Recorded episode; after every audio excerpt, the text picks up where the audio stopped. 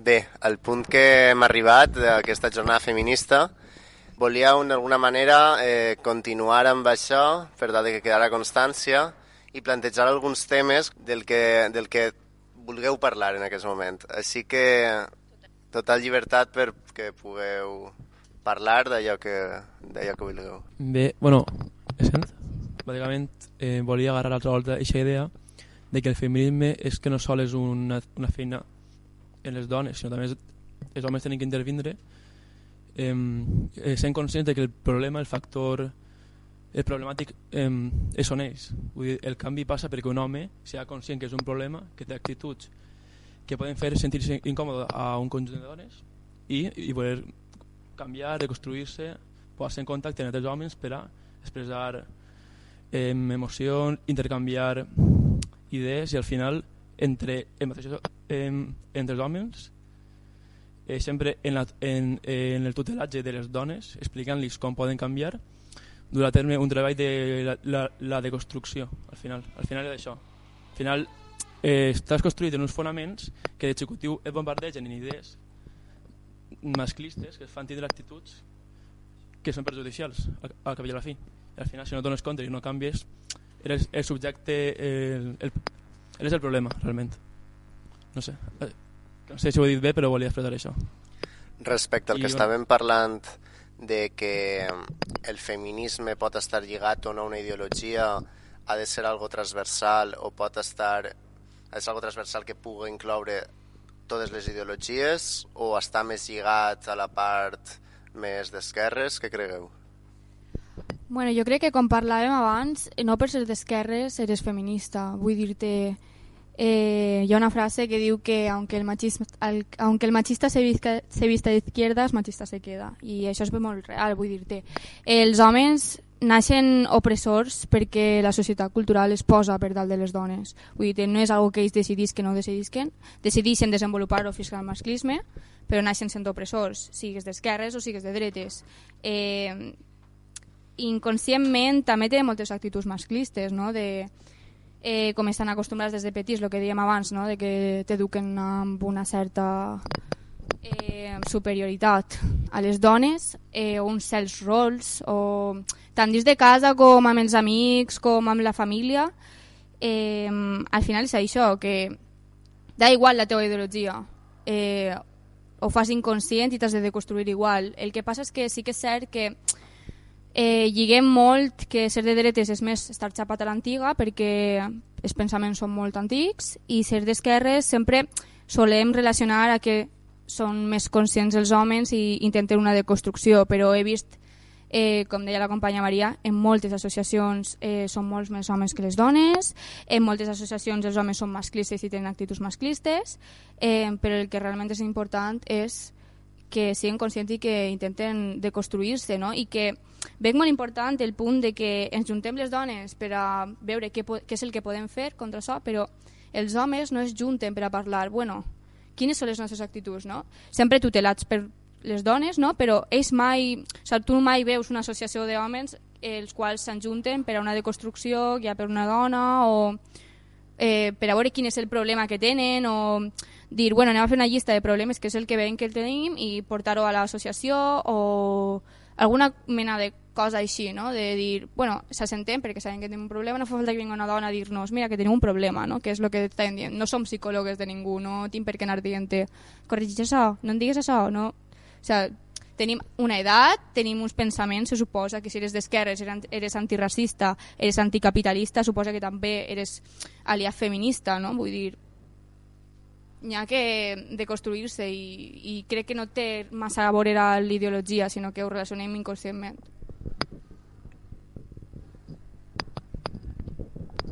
Això últim que ha dit d'aliat feminista jo crec que és algo molt important perquè els homes, lògicament, tenen que estar amb nosaltres a la lluita feminista, però jo sí que considero des del meu punt de vista que tenen que estar un pas enrere no en la manera de comportar-se, sinó que aquesta lluita és nostra, nosaltres tenim que portar el cap davant i ells estan ahí per a recolzar-nos i per a formar-se, per a escoltar-nos, per canviar, per ajudar-nos a preparar a lo millor una manifestació o per ajudar-nos a preparar unes jornades com són, com són aquestes, però al fi i al cap la veu cantant la té que portar una dona que és la que està oprimida dia a dia.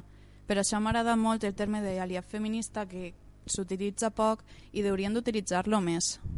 Per una banda, has dit que has dit que no per ser d'esquerres s'és feminista, però cal ser d'esquerres per a poder ser feminista?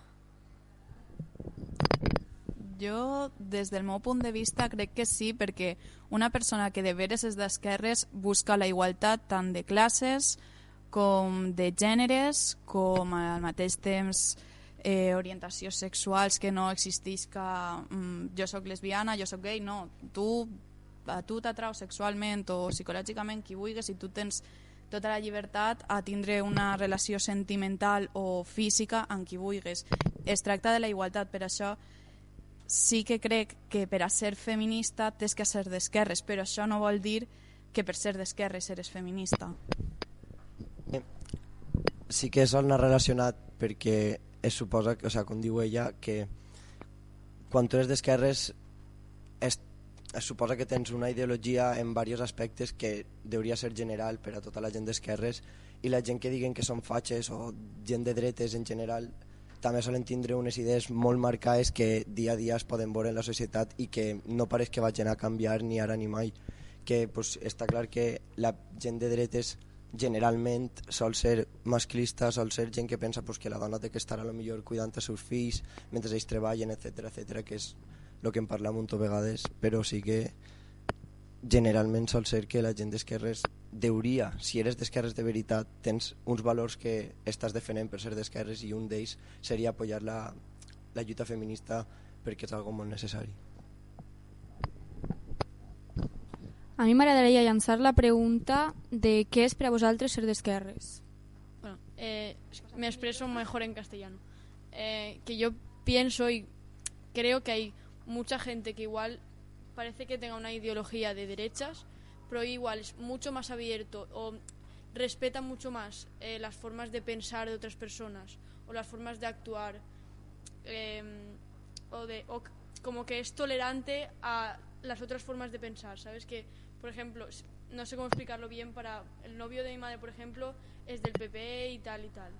Pero, por ejemplo, yo veo sus actitudes igual apoyo más sus actitudes en frente, o sea, de cara a mi madre es de otra forma, igual dice, pues eh, no me parece bien todo, todo, esto y tal. Y él como que lo apoya, lo, lo, defiende, aunque no sea de esa ideología, igual respeta más que otro que igual dice, yo soy muy izquierda, no sé qué, pero luego igual tiene actitudes mucho más machistas que esa persona que se supone que es del PP, ¿sabes? Que yo creo que lo de generalizar a veces no está bien porque hay personas y personas, todos somos seres humanos y claramente hay también gente que igual es mucho mucho postu de sí, yo soy de izquierdas porque es lo que más o menos ahora se lleva de moda, no sé qué, no sé cuántos. Pero mmm, no siempre, o sea, es como, vale, voy a hacer lo que hace todo el mundo y decir que soy de izquierdas, feminista y todo eso. Y tampoco es así siempre. somos seres humanos y tenemos, o sea, somos sentimientos y tenemos seres humanos, ¿no? Pot ser lo que la lluita feminista pues, podria encarar de manera a buscar una transversalitat per a poder arribar a tota la societat, no? tant siga d'esquerres com de dretes, és a dir, no encasillar-la com a una lluita de l'esquerra, de manera que la gent de dretes no se sent al·ludida, sinó buscar que, tot i que la gent de dretes siga com siga, puga arribar a entendre i a compartir aquesta ideologia que estàvem parlant. Però, bueno, eh, crec que eh, hauria fer una puntualització sobre això perquè el feminisme no és igual el feminisme liberal que el feminisme de classe. Al final, el feminista de classe entén que en el capitalisme qui més sofrix és la dona. Al final, el feminisme liberal busca l'alliberament de la dona, l'empoderament, però no fa un, un anàlisi material en la situació concreta de la dona al final el de classe busca que la dona s'emancipe com a dona i s'emancipe com a classe treballadora. Que jo crec que és una superació, podríem dir, d'aquest feminisme liberal de, tot, de tota la vida, entre comilles. És una puntualització per a diferenciar el feminisme, crec, crec jo, i com a home, vull dir, tampoc. Trobo que és important dir que mm, bueno, que el feminisme hauria arribar a la gent de dretes, ja que quan una dona és de dretes sol estar menys conscienciada de les seves opressions i del seu patiment, perquè si tu des de ben menuda vas creient que el teu lloc és la cuina i penses que les dones han d'estar a la cuina, no vas a lluitar contra això. I a lo millor no sents còmoda, però penses que és així. Eh, si el feminisme arriba a la dreta, mm, llevarem la dreta i aconseguirem més gent a l'esquerra i més gent feminista.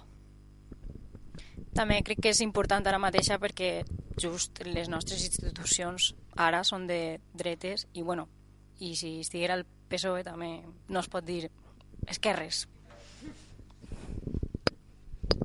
Eh, jo sí que crec que el feminisme té que arribar a totes les parts de la societat, però mai estaria d'acord de que el feminisme arribarà a la dreta si canviara els nostres principis per agradar-los.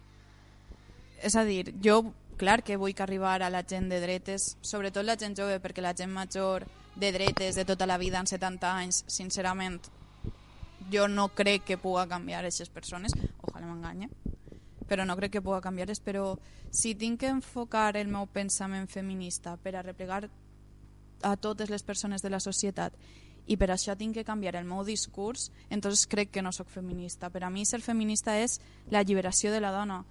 Si una persona de dretes ja de per si no creu en la total alliberació d'una persona, com va creure en la lliberació de la dona? Vull que arribar a elles? Sí, però primer van els meus principis i la meva manera de pensar i no vaig a canviar-les per agradar a tot el món. Eh, bueno, eh, en el que has dit ahir és, està clar, eh, n'hi ha que ser conseqüent de les idees, però a voltes té que ser estra est estratega. Vull dir, tu pots eh, estar aferrat a unes idees sense que arriben a una majoria social i, i ser tu i els teus col·legues el grup que defen unes idees, que seran superjustes i seran correctíssimes. Però al final, si vols tindre una majoria social que recolze aquest plantejament d'aquestes idees, millor n'hi ha voltes que, que, que tens que cedir un poc, eh, no eh, el canviar, sinó cedir un poc per després eh, el guanyar un poc més. Saps què vull dir? Vull dir, és tindre estratègia. A voltes l'esquerra eh, peca de falta d'això. Jo, respecte a lo que has dit, eh, voldria recordar a les sufragistes d'Estats Units, Gran Bretanya, eren, sincerament, quatre gats.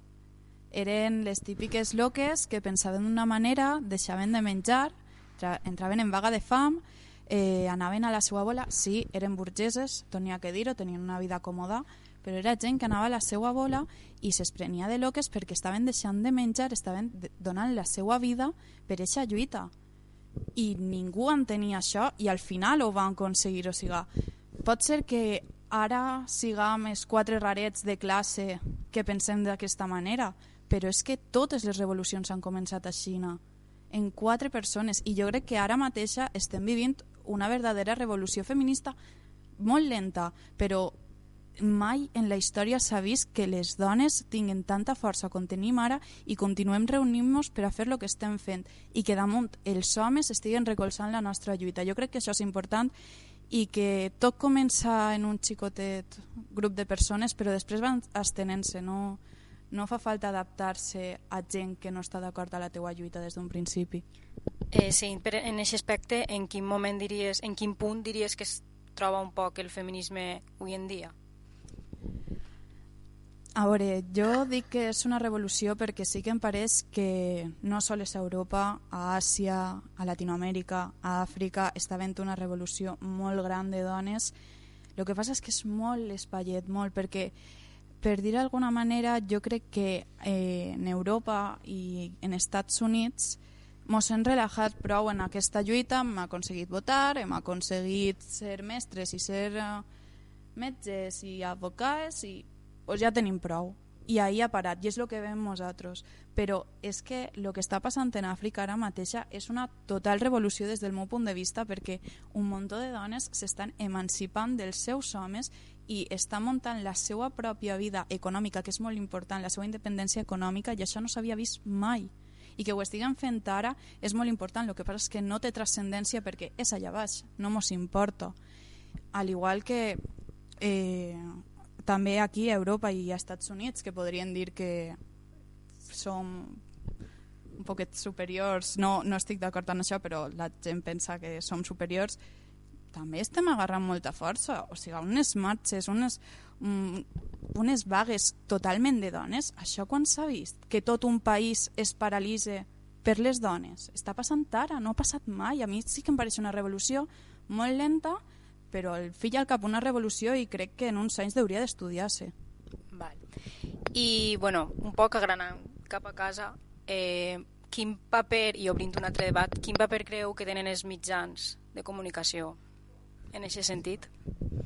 Per a mi, els mitjans de comunicació i l'educació són de les coses més importants que n'hi ha per esta lluita i per moltes altres.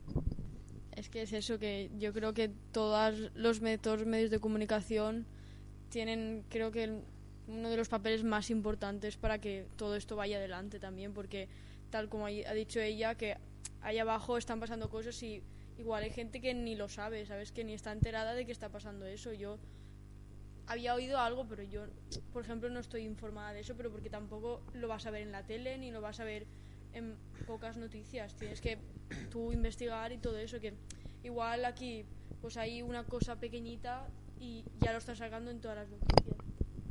Pero que, ¿sabes? Que algo que es así tan importante, una lucha que esté saliendo bien y que lo estén llevando a cabo las mujeres y que se me va y que no le den ningún tipo de relevancia, que no le den importancia, no lo saquen ni por los medios de comunicación, que vale que es en otro país, pero sigue siendo igual de importante porque es una lucha de mujeres, que si pasara aquí también estaría bien que lo, lo retransmitieran por allí. No, bueno, aquí también pasa, por ejemplo, el mundo del deporte. Sí, lo que ha dicho ya antes de María Belmonte y todo eso.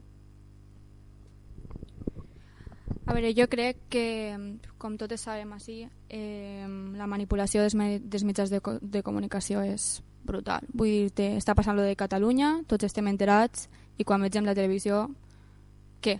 Estan invisibilitzades les 844 víctimes que hi ha hagut. pues és el mateix, les xifres de les agressions sexuals a les dones, de les morts de les dones, de les diferències de les dones, vull dir-te, molta gent diu uh, en Espanya les dones tenen moltes, molts privilegis perquè per la televisió pot eixir el que pugui eixir o perquè tu te'n vas a una discoteca i entres gratis perquè és una dona però ningú va i t'explica que tu eres la mercancia per la que els altres estan pagant no? vull dir-te eh, si dins d'Espanya o del primer món per dir-ho així eh, les notícies estan manipulades com van a ser unes bones notícies eh, el que està passant en Àfrica. A ningú li importa, vull dir-te, eh, a ningú li importa eh, que s'estigui morint de fam, a ningú li importa el que està passant en Palestina, a ningú li importa el que està passant en Síria, eh, hi ha un atemptat molt de recemos por, recemos por, i a ningú li importa realment. Vull dir-te, és la notícia bomba d'avui i demà ja s'ha oblidat.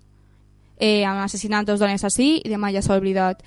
I, si em disculpes un moment, eh, jo poso, per a mi, el mitjà de comunicació més fort ara mateixa és la red social Twitter, per exemple, en el que jo me puc formar com a femi feminista eh, molt, perquè ahir et trobes realment a gent feminista, gent que parla de seues experiències, gent que no manipula la informació, perquè és la seva pròpia, gent que ha llegit, gent, gent que formes de més per gust propi, gent que conta la veritat, que diu, puja fotos, puja el que siga, i també és un mitjà de comunicació perquè és un mitjà de, de comunicació, el que passa és que sols ens, ens entenem és que estem dins de la xarxa social.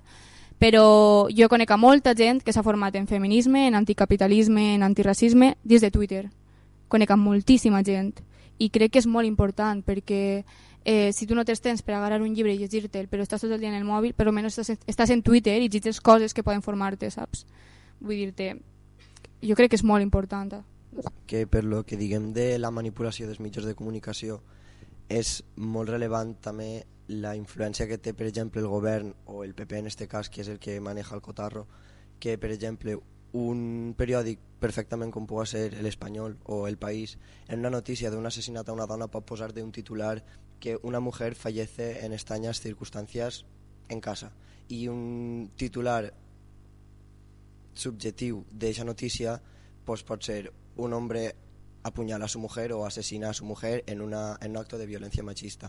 I això podem veure en Twitter, per exemple, està plagat de comparatives de mitjans de comunicació privats o mitjans de comunicació de dretes contra d'esquerres i és prou abismal la diferència que n'hi ha de veure una notícia real a veure una notícia manipular. I és el que la majoria de gent en la societat se ho té com, com algo normal, de veure la tele, tragar-se les coses manipulades i pensar, bueno, no és tan grave, no passa res, ens podem apanyar, però les coses quan les veus com són de veritat és quan et fa pensar que algo està fallant. I conforme està el país ara o sigui, estan fallant massa coses a la volta eh, a part de la manipulació que comenten, a part de la invisibilització que es comenta, està la visibilització negativa que es fa a les dones, el procés quirúrgic pel que han de passar, eh, modificant la seva estètica, el seu físic per a poder mantindre's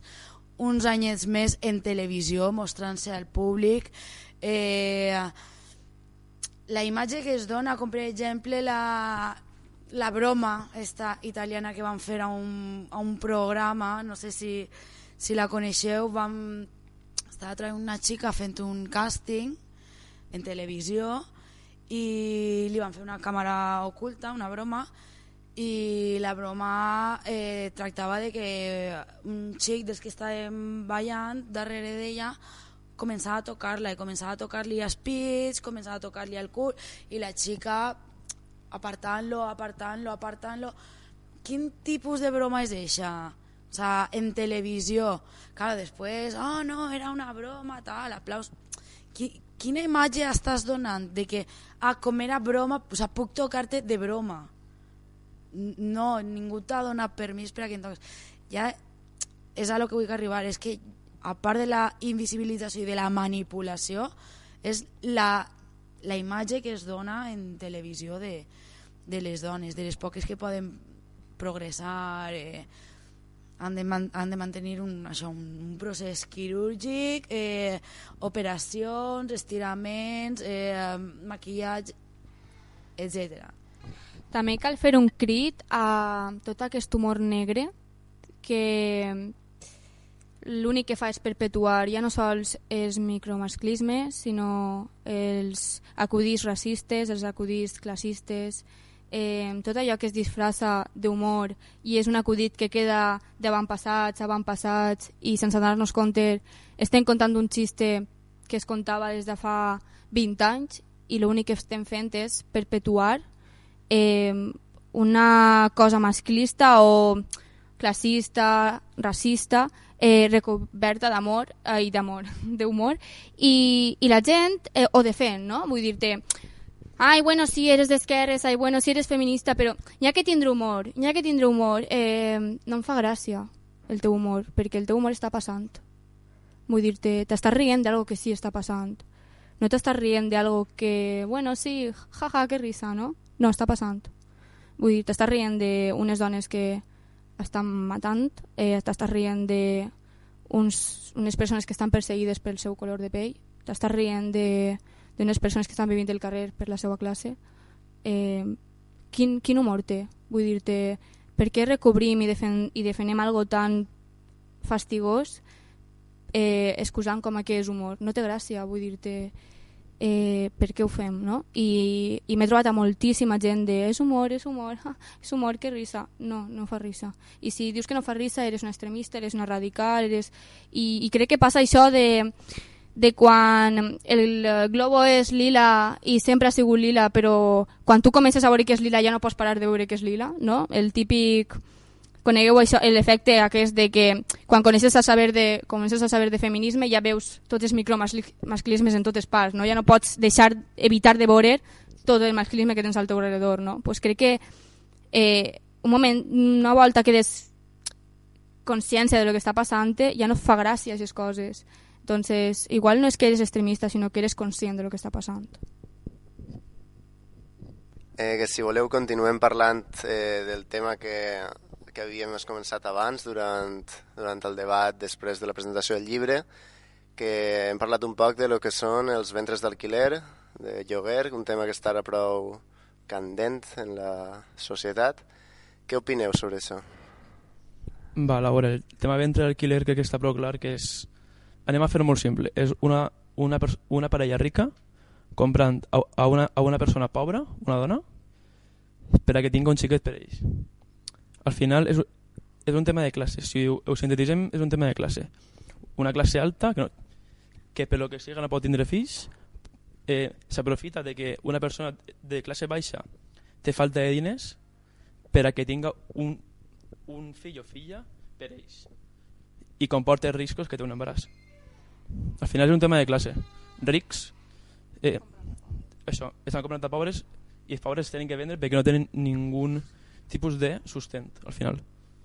Jo crec que és un tema molt simple i si eres d'esquerres, si estàs a favor de l'emancipació de la classe treballadora i vols ajudar a, a les persones treballadores a, a, a canviar, a tindre oportunitats, estàs en contra, eh, estàs en contra d'aixes coses. Al final, crec jo, vamos, és una opinió.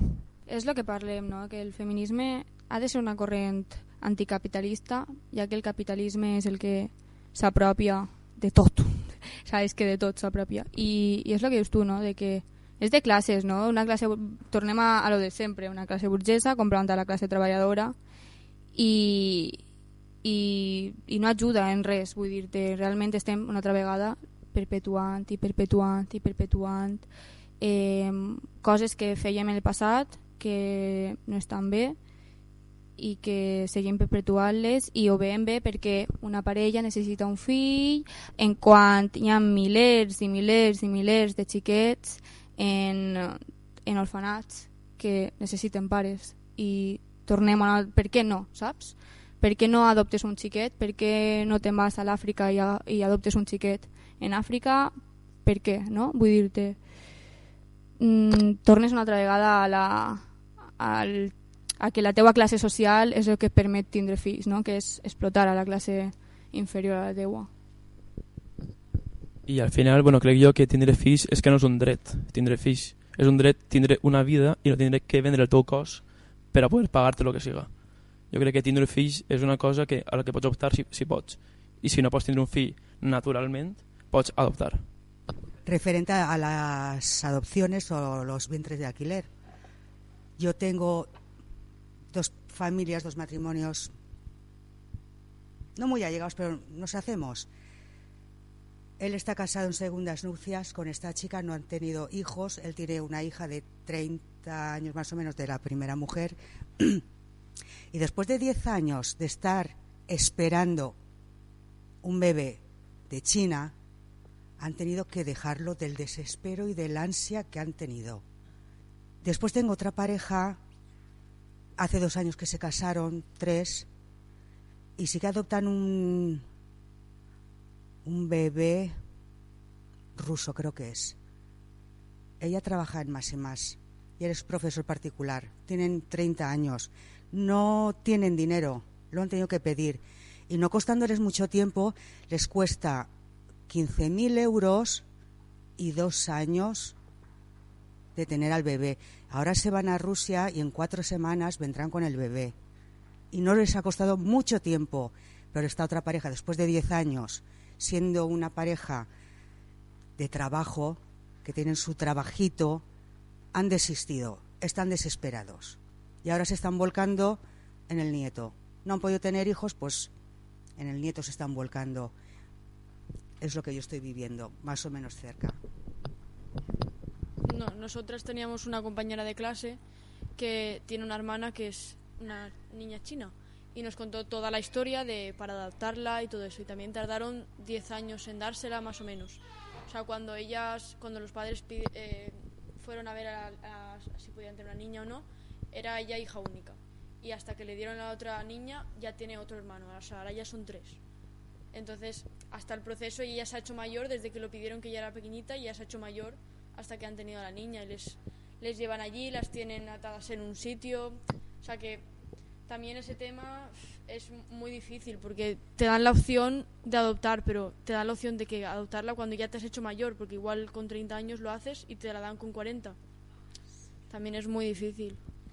Jo crec que, que això també té molt a veure perquè sí que hi ha organitzacions que s'aprofiten perquè jo crec que no en tots els orfanats et cobren 15.000 euros per adoptar un xiquet és el que jo penso, no estic informada, parle des de la meva ignorància, no? Eh, crec que a l'hora d'adoptar xiquets eh, que són de fora d'Espanya, de fora d'organitzacions espanyoles, sí que eh, eh, intenten treure un benefici eh, econòmic del qual eh, ells anomenen no lucratiu, sinó que és una donació, val? entre comilles, eh, el qual tornem a una, una altra vegada el mateix, no? de en este cas, els teus companys són una família de classe treballadora, eh, però els 15.000 euros eh, sí són un benefici econòmic molt gran, eh, el qual eh, tornar a ser una altra vegada comprar una vida, no? Vull dir-te, encara que la seva intenció no siga aquesta, ja ho sé, o sea, ho tinc, ho tinc superclar, no? de que la seva intenció no és esta, sinó que estic tirant més la culpa a aquestes organitzacions que es lucren de la necessitat de la gent eh, i tornem a, és el que t'estava dient, tornem altra vegada el mateix, no? de que tu sents una necessitat de ser pare, que sí, no és, no és un dret, però moltes vegades sí que et va un poc la vida en això, no? de que cada persona pues, és com és, no? i eh, busquen una lucració de la necessitat de la gent. Eh, en el ventre d'alquiler és una necessitat econòmica i en la dels teus companys necessitat de ser pares i els que s'estan lucrant és l'organització. Però ve ser una altra vegada que s'estan lucrant de la gent que, necess que necessita una... Algú necessita una cosa i una altra persona que ho té és lucra, vull dir-te.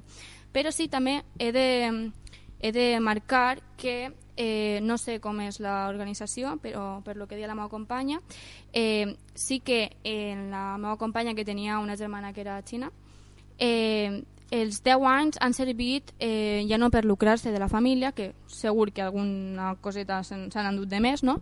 però sí que veig molt important el procés eh, en el que s'estudia la família, en el que eh, la família té que anar primer allà a veure-los. Eh, això ho veig molt important perquè no pots agarrar un xiquet del seu hàbit i agafar-lo i ala, com si fos un gos i te l'endús cap a casa. Jo trobo que això no es pot ser i que em pareix molt bé que estudien a la família abans de donar-lo un xiquet perquè sí que hi ha moltes famílies que agafen xiquets d'altres nacionalitats per a vendre'ls o altres organitzacions que són... Bueno, i ho veig molt important el procés. Eh, lo de 15.000 euros ja t'he dit, em pareix una barbaritat. Em pareix que estàs comprant una vida.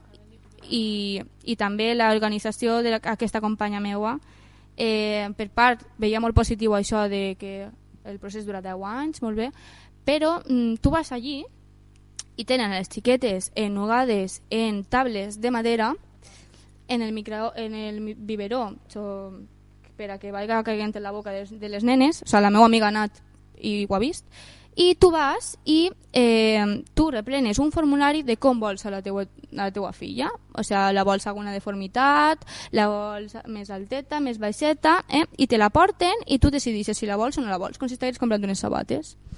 Eh, i tens un dia per a pensar-te'l, te l'endús la xiqueta a casa i tens un dia per a provar-la i mm, si no t'agrada la Sant demà vas i la tornes i decidis que vols agafar una altra. Això va així, no? Eh, llavors em pareix un, un procés molt, molt cruel, però jo sí pense que s'ha de un, un procés de temps, igual 10 anys és massa, però uns 5 anys jo sí que ho ficaria eh, però sí que hi ha moltes organitzacions que tornen a ser un, un mitjà capitalista i de burguesos que s'estan lucrant de la necessitat de la gent i estan lucrant-se amb la vida d'una persona no? i, i s'ha de controlar molt això és com la trata de blanques eh, que s'està lucrant de la vida de la gent no? i és important perquè sempre vull és que no recibim les dones, no? Trata de blanques recibim les dones, eh, el vendre d'aquí les recibim les dones, i no sé, bueno, esta pareja que ha desistido del bebé chino, no sé si nene o nena, digamos bebé en general, cuando lo pidieron tenían 40 años. Y cuando dijeron que ya no lo querían, que no podían otra vez volver por tercera o por cuarta vez, renovar papeles, ya tenían 50 y 52 años. Yo con 52 años quiero tener nietos, no quiero tener hijos, quiero tenerlos un ratito ya me cansan los niños, me cansan las voces, quiero estar tranquila, quiero hacer lo que yo quiera. Entonces a esta pareja les ha pasado esto. Eh, se han desanimado, han perdido la confianza en todo y en, en las instituciones sobre todo, porque lo han alargado demasiado. Y la otra pareja, pues eso, han tenido que pedir un préstamo ella tuvo una operación que mm, muy grave, le quitaron todo el aparato reproductor y ya se casaron sabiendo que ella jamás podía ser madre. Ya lo habían hablado antes de casarse y se casaron y nada más casarse prepararon los papeles. Ya digo que siendo poquito tiempo, pues mm, casi tres años de casados y en dos meses menos el bebé está aquí. Y se han tenido que empeñar. Él es un profesor de GB particular que se gana, pues eso, un poquitín de sueldo por aquí y con lo que la mujer gana, que lo tiene fijo, pues con eso es con lo que han emprendido la aventura y no les ha costado mucho tiempo. Bé, doncs moltes gràcies a totes i a tots per participar. Crec que ha sigut enriquidor que posarem idees en comú i, i res, anem a seguir en la jornada i moltes gràcies a totes.